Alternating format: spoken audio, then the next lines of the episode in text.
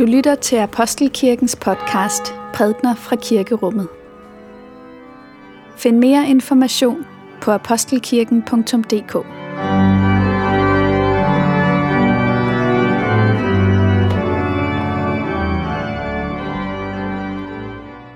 Velmødt alle sammen til gudstjeneste her i Apostelkirken på denne første søndag efter Hellig Tre Konger. Egentlig så afsluttede vi vores julefejring sidste søndag ved Hellig Tre Konger, men det er også stadigvæk fest i dag i den anledning, at vi har to dåb. Så om lidt så vil Lærke og Asal gå op igennem midterrækken her, og en særlig velkomst til alle jer, som også er her i den anledning. I dag der skal vi lytte til en bibeltekst, og vi skal faktisk høre den to gange. Nemlig Jesus, som siger, lad de små børn komme til mig. Det er ord, som bliver talt hver gang, der er dåb ved døbefonden, men det er altså også dagens evangelietekst. Det handler om, hvad er det egentlig, vi har at lære af de små. Men lad os nu først sidde i stillhed i det, vi lytter til bedeslagene.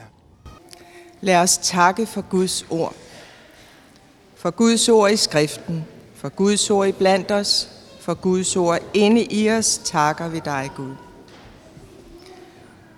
Vi skal læse salme 8. Herre, hvor Herre, hvor herligt er dit navn over hele jorden. Du, som har bredt din pragt ud på himlen.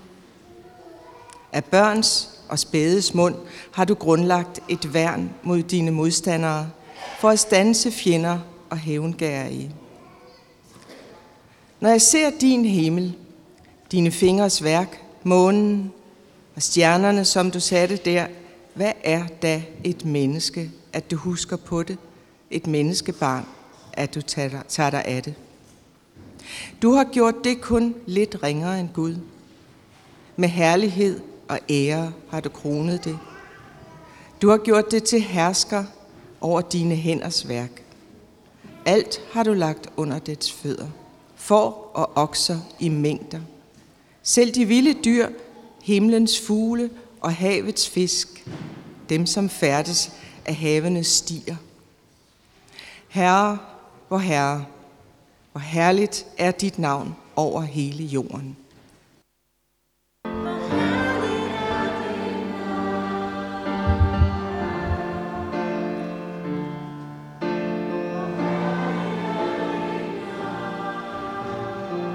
Det hellige evangelium skriver evangelisten Markus. De bar nogle små børn til Jesus, for han skulle røre ved dem. Disciplene truede af dem, men da Jesus så det, blev han vred og sagde til dem, Lad de små børn komme til mig, det må I ikke hindre dem i, for Guds rige er deres. Sandelig siger jeg jer, den der ikke modtager Guds rige lige som et lille barn, kommer slet ikke ind i det. Og han tog dem i favn og lagde hænderne på dem og velsignede dem. Lad os alle sammen bede. Herre, må dit ord nu blive til liv for vores tro. I faderens og søndens og helligåndens navn. Amen. Denne søndag, første søndag efter Hele Tre Konger, er indimellem blevet kaldt for børnenes søndag. Det har egentlig ikke noget at gøre med, at vi fejrer dåb i dag. Det har heller ikke noget at gøre med, at kirken ligesom har udset sig en mærkedag, hvor at særligt børnene skal have fokus. Det kunne man ellers godt tænke sig. Kirken er jo det, det er jo som regel de voksne, der som sidder stenhårdt på. Så altså smart, hvis man havde en dag, hvor at man kunne kompensere lidt og sætte børnene i fokus. Anledningen er, om du vil, noget mere alvorligt. Nemlig, som vi hørte i teksten, at Jesus tager et af børnene, stiller det frem foran de voksne og så siger, her er der noget, I kan lære. Her er der et eksempel til efterfølgelse. Det vil sige, at børnenes søndag er egentlig ikke for børnenes skyld. De er mødt op, som de plejer at gøre. De giver deres særlige bidrag til gudstjenesterne her i Apostelkirken om søndagen, som de plejer at gøre det på alle søndage. Børnenes søndag er dybest set for vores skyld. De voksne, de modne, dem, der er langt mere livserfarne end alle dem, der lige er gået ud til børnehjørnet for et øjeblik siden. Det er fordi, at vi har brug for at blive som børn, når det gælder dette at modtage Guds rige, siger Jesus. Hvordan skal vi så forstå det? Mere konkret, hvad er det da, som vi kan lære af det mindste? Hvad er det eksemplariske ved børnene? Ja, der er det ved den tekst, vi netop har læst, at det giver Jesus egentlig ikke noget svar på. Ofte har svaret været, at det er fordi, at børnene er uspolerede. At de har en form for uskyld. De bærer på en, en godtroenhed i sig, en, en tillid, så de, de tror det bedste om folk, de møder på deres vej, og de tror det bedste om den verden, som vi bor i. De er endnu ikke blevet sovset ind i alle de her intriger og magtkampe, som kan være en del af den voksne verden.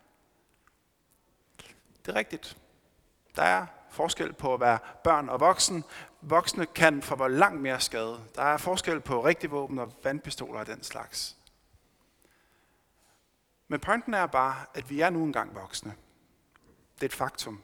Det er det, som er vores udgangspunkt. Og det vil sige, det er ikke en fejl at blive ældre. Det er ikke en fejl at blive kritisk tænkende. Det er ikke en fejl, at man ikke møder verden med maksimal tillid, som man måske gjorde dengang man var mindre. Det er ikke en fejl, at jeg har en voksen tro i stedet for en barnetro.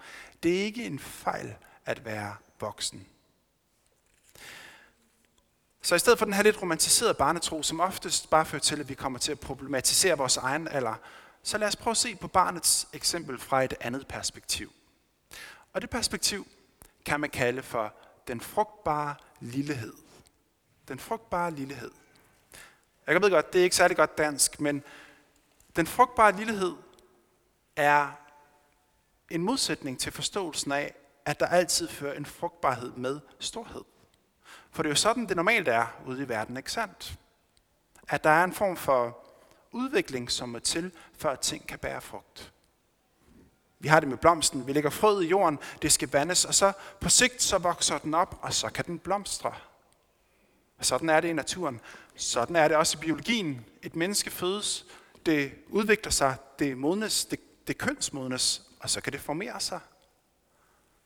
Eller sådan er det på arbejdsmarkedet, at vi må uddanne os, vi må dygtiggøre os, vi må vokse op i vores fagkundskab, før vi når til et punkt, hvor man ligesom siger, nu er du klar til at kunne producere noget. Nu kan du give noget. Nu kan du passe den her maskine. Nu er du i stand til at lære fra dig. Nu er du i stand til at bidrage til samfundet. Se det her tipping point fra at være en, som kun modtager, til man også kan give noget. Det er det frugtbare øjeblik i, ud fra sådan en samfundsøkonomisk synsvinkel. Det er betinget af, at man vokser til. Det har væksten som sin forudsætning. Den frugtbare lillehed er det modsatte. Her handler det ikke om at vokse til for at blive frugtbar. Her er det det lille i sig selv, som er frugtbarhedens forudsætning. Hos Andersen fortæller et eventyr, som kan give os et indtryk af, hvordan det netop er et, et lille, at der kan ske noget. Det er historien om kejserens nye klæder. Der var engang en kejser, som holdt umådeligt meget af sit garderobeskab. Alt det, som de andre rige store mænd satte pris på og fornøjede sig med, komedier og den slags, det synes kejseren ikke sagde ham så meget, men det gjorde tøj til gengæld. Og så skete det, at der kom to bedragere til byen, og de gik op på slottet op til kejseren, og så sagde de, vi kan søge de skønneste klæder til dig. Du finder ikke noget finere. Læg mærke til de materialer, vi kan bruge, de mønstre. Og så skal du også forklare at der er endnu en egenskab ved det tøj, som vi kan producere, som andre ikke kan. Nemlig, at for den, som er dum, eller for den, som er øh, inkompetent til at bestride sit embede, den person vil ikke være i stand til at se klæderne. Det vil være usynligt for den dumme. Og kongen blev glad, da han hører, eller kejseren blev glad, da han hører dette. Det er jo ikke kun et sæt nyt tøj, men det bliver også ligesom en måde for kejseren at kunne danne sig et indtryk af, hvilke af hans undersåtter er egentlig deres opgave voksen. Så kejseren betaler bedragerne rigeligt med penge, og bedragerne sætter deres to væve op i gang, og så går de i gang med at se ud, som om de går i gang med at væve et klædestykke. Tiden går. Kejseren bliver nysgerrig. Hvordan går det egentlig nede der i skrædderværkstedet? Og han overvejer selv at gå derned, men tænker, jeg sender i stedet for min gamle og mest erfarne minister. Altså, det er også lidt en måde at tjekke på, om han stadigvæk har alle hønsene derhjemme op, og om han ligesom kan varetage sit arbejde. Så den gamle minister banker på døren, træder indenfor, og der bliver han budt velkommen af de to bedragere, og de siger, kom nærmere. Se her, her er klæderne. Er de ikke nogle flotte farver? Og den gamle minister smiler, nikker anerkendende, men indeni tænker han, åh oh, nej, jeg kan jo ikke se noget som helst. Er jeg dum? Det er der ikke nogen, der må få noget at vide om. Så han forbliver tavs. Og hele det her scenarie, det gentager sig igen og igen. Bedragerne beder om flere penge, for de arbejder jo så hårdt og så videre. Og folk kommer ind og berømmer det fine klædeværk. Indtil at kejseren en dag kommer ned på skrædderstuen og skal se det endelige resultat.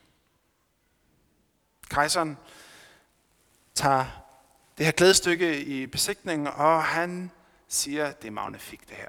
Det er det fineste, det mest pragtfulde klædestykke, jeg nogensinde har set. Men sandheden er, at kejseren kan ikke se noget som helst, men han er bange for at indrømme, at også kejseren er dum. Næste dag er der en stor procession. Det er der, hvor byens befolkning kan få lov til at se de fine klæder. Og inden da, så står kejseren op på slottet, og mm, de to bedrager, de kommer og iklæder ham den her nye klædedragt. Og kejseren føler, at han er lidt nøgen, når han står der. Men altså, det er jo de nye klæder. Og han arrangerer endda, at der er to kammer her om bagved ham, som får lov til at bære det her store slæb, som de to bedrager har syet. Og kammerherrene kan ikke se noget. De føler heller ikke, at der er noget at bære, men de er jo tro over for kejseren, så de går trofast bagefter kejseren, i det han bevæger sig ud i byen. Og ude i byen, der går kejseren igennem gaderne, og han modtager masser af berømmelse. Folket er ellevilde og hylder kejseren for hans nye klæder. Der er ingen, der kan se noget som helst. Men heller ikke folket ønsker at fremstå som dumme og inkompetente. Sådan går det langt hen ad vejen, ind til kejseren på et tidspunkt passerer et barn. Og der råber barnet, men han har jo ikke noget på. Det er sandhedens øjeblik. Det er afslørelsens øjeblik, som sker der. Og i starten er det kun barnet, som råber, men snart så råber hele gadens folk med barnet. Han har jo ikke noget på. Se, det er barnet, som opdager, som afslører det store bluffnummer. Alle de voksne, som har tilkæmpet sig et omdømme, og, og, og som ligesom har fundet sig en plads i hierarkiet, de lader sig narre. Men barnet, der ikke rigtig har nogen anseelse, er den, der får lov til at tale sandhedens ord ind i den sammenhæng. Det er det frugtbare øjeblik. Sandhedens øjeblik, som er knyttet til barnet i denne historie. Så eventyret siger altså, at nok så kan vi opleve fremgang her i verden. Vi kan opkvalificeres. Vi kan opnå en masse indsigter, som kan være til gavn, både for os selv og for andre. Men der er en form for indsigt, som ikke kan opnås ved at opkvalificere sig. Som ikke kan opnås ved at lægge til og lægge, lægge til hele tiden, men som kun kan modtages i det øjeblik, man er lille.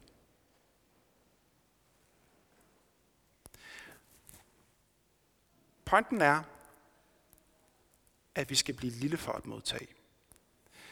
Og den her frugtbare lillehed, som jeg snakker om før, den tænker vi naturligt i forbindelse med børn. Det lægger teksten jo også op til i dag. Men denne lillehed er strengt taget ikke et spørgsmål om at være mindre årig. I mandags, da vi sad og efter morgenbønnen og skulle diskutere den her søndags tekst, så var det en overvejelse, om denne lillehed i dagens Danmark snarere skal findes på plejehjemmene i stedet for i børnehaverne. Altså alt mens børnene får mere og mere opmærksomhed, mere og mere myndighed i det danske samfund, så er det som om, at det måske i virkeligheden er de ældre, som i dag har den samme status, som var den status, børnene havde på Jesu tid. Det er dem, der er til overs. Dem, som ingen rigtig ved, hvad man skal gøre med i livets sene efterår osv. Dem, der havner udenfor. Ældrebyrden siges det nogle gange. Det siger alt om, hvad vi tænker om de ældre i vores samfund. Det kan godt være, at de ældre ikke er mindreårige, men i forhold til anseelse, så er de muligvis det mindste i vores samfund. Eller man kan måske nævne den, som kæmper med psykisk sygdom. Det er også en gruppe, som meget let kommer til at blive placeret ude på et sidespor. Psykisk syge bliver sjældent antaget for at have noget at give med et skrøbeligt sind. Se, det er disse upåagtede mennesker, som Jesus stiller foran os i dag, og så siger, her er der mennesker, som har noget at sige i forhold til det mest basale om troen. Så det vil sige, at den der lille er altså ikke en, jeg skal hjælpe, når det gælder dette at modtage Guds rige. Nej, det er snarere den lille, som kan hjælpe mig. En, som har noget at sige mig. Der er et vidnesbyrd, som denne kan give over for mig. Derfor så gør vi klogt i at lytte. Ikke af ren høflighed, men fordi at disse mindste er en art stifindere. Det er dem, der er specialisterne i Guds rige. Hvordan gør man så det? En del af jer vil måske have oplevet, at den her situation, hvor man sidder med et lille barn, og man skal bede en bøn. Det kan være en aftenbøn. Og ofte inden aftenbønnen, så udspiller sig den her lille samtale, hvor at der er tanker, spørgsmål og alt sådan noget, som popper op. Ikke sjældent på, på barnets eget initiativ. Ofte så er det en stor pærvælling af Gud og tegneseriefigur og legekammerater, og det hele bliver blandet sammen. Og man sidder ofte som voksen med en fornemmelse af, at barnet formår jo slet ikke at skelne mellem virkelighed og fantasi. I det her øjeblik, hvilken rolle har jeg da som voksen? Er det min opgave ligesom at lukke ned for den her samtale, fordi barnet skal sove, og jeg skal ind og se fjernsyn? Eller er det min opgave at virkelighedskorrigere barnet? Det kan man gøre meget specifikt og subtilt. Man kan for eksempel bare byde ind på det, barnet har at sige, i forhold til alt det, som giver mening i forhold til mig, min egen virkelighedsforståelse. Alt det andet, som barnet siger, som virker en lille smule flyvsk eller sådan noget, det skrider jeg bare galant henover. Dermed er jeg i virkeligheden med til at fortige noget, som er meget vigtigt i barnets fortælling. Vores opgave er ikke at lukke ned for barnet, da opgaven er heller ikke at, at overtage hele barnets mindset, for der er forskel på at være barn og så at være voksen. Men vores opgave er at lære. Jeg læste en lederartikel, som i det her spørgsmål drog en parallel til de digital, nej, undskyld, de digi-neandertale forældre. Det vil sige, de forældre, som har svært ved at komme ind i det digitale univers, og det har de samtidig med, at de oplever, at deres børn lever alt mere af deres tid på deres computer eller på deres iPhone, deres mobiltelefon. Det er lukket verden, det her, for de digi-neandertale forældre. Børnene kan gebærde sig ret hurtigt, de kan finde vej, de, de ved præcis, hvordan man er derinde, men forældrene er dybt fremmede inde i den verden. Hvad er det, der er eksperternes entydige råd til de stakkels forældre der? Det er, gå med ind i deres verden. Lyt til dem. Lær af dem. Hør, hvad de har at sige, hvad de oplever derinde. Lær af hinanden. Det er dette, som er vores opgave, når vi sidder ved vores børn, eller når vi lytter til andre, som ikke har en kraftig stemme ude i den store verden, men de har noget vigtigt at sige. Det er de små, som er specialisterne i Guds rige, og de store, som er neandertalerne i den sammenhæng. Lad mig slutte af med en art vidnesbyrd, som kommer fra en fra de mindste niveau, nemlig Grundtvig. Vi har sunget Så sødt barn lille. Det lyder umiddelbart helt skævt, for Grundtvig han er jo den her store, kraftige mand med det store hvide skæg. En uhyre belæst herre, som øh, kan virkelig meget om kultur og tradition. Ikke kun i Danmark, men også ude fra fjerne egne. Så sødt, barn lille, er ikke skrevet på toppen af Grundtvigs virke. Den er ikke skrevet i hans storhedstid. Tværtimod, Grundtvig skrev denne salme på vej ud af en svær depression. Livet var blytungt for ham. Han var nede i et mørkt hul og var kun lige begyndt at ane, at der var et lys for oven. Dem, der kender Grundtvig rigtig godt, de siger, at man kan afkode hans sindstemning på hans håndskrift. Så det vil sige, Når han stod høj og rank her i livet, så skriver han klart og tydeligt. Men når han bare slæber sig afsted, så kan det være meget, meget svært at tyde hans krav til Og de forlæg, der findes for Sov Sødt Barn Lille, er meget, meget svært læselige. Det er med andre ord en salme, som ikke er skrevet på baggrund af sådan en barnlig naivitet, men har baggrund i et liv, som kan være ganske hårdt og svært nogle gange. Grundtvig kaldte selv salmen for barnets, Guds barnets vuggevise. Når man kender lidt til hans baggrund, så fornemmer man måske dybden af disse ord. For hvad er en vuggevise egentlig? Ja, en godnatsang er ikke en sang, som har til opgave at sløbe og at gøre barnet træt. En vuggevise har ikke til formål at gøre barnet døsig. En vuggevise har til formål at gøre barnet trygt. Trygt ved det, der skal ske nu. Så når vuggevisen synges for barnet, der giver det barnet en fornemmelse af, jeg er i trygge hænder. Det, der skal ske nu, er okay. Der er styr på det. Jeg kan give mig selv over til søvnen, for jeg er tryg ved situationen. Og Grundtvig han overfører den her situation fra bukkevisen over til dåben. Vi sang det. Guds fingrene grænte slog kors for din pande, Guds enbornes røst slog kors for dit bryst. Til skal ingen djævel dig skade. Så her der har vi altså en mand, som absolut ikke oplever, at livet smiler til ham. Han har ingen ro. Han oplever ikke, at han har nogen sikkerhed for noget som helst. Han er forsvarsløs. Og i den her situation, der er det som grund, vi begynder at lytte til ting, som finder sted uden for ham selv. Dåben som vuggevisen, der nynnes for ham midt i hans modne alder. Ja, der er kampe, der skal kæmpes i livet, vidner han om. Kampe, som kan være svære at kæmpe. Der er også destruktive kræfter, som kan gøre os skade, ikke mindst døden. Men den skal vi ikke møde alene. Det er det vidnesbyrdet, der er i denne sang. Frem alt er det et vidnesbyrd om, at hverken Lærke eller Sal eller nogen af os andre lever for os selv, men vi er omsluttet af Gud. Vi er båret i hans stærke hænder. Lov og tak og evig ære være dig, for Gud, Far, Søn og Helligånd. Du som var, er og bliver en sand treenig Gud, højlået fra første begyndelse, nu og i al evighed. Lad os bede. Gud, her er jeg med alt, hvad jeg er, af fornuft og følelser, tanker og erfaring. Gør mig nu fuldkommen voksen i min tro, så jeg lærer at tage imod din godhed, ligesom et lille barn. Amen.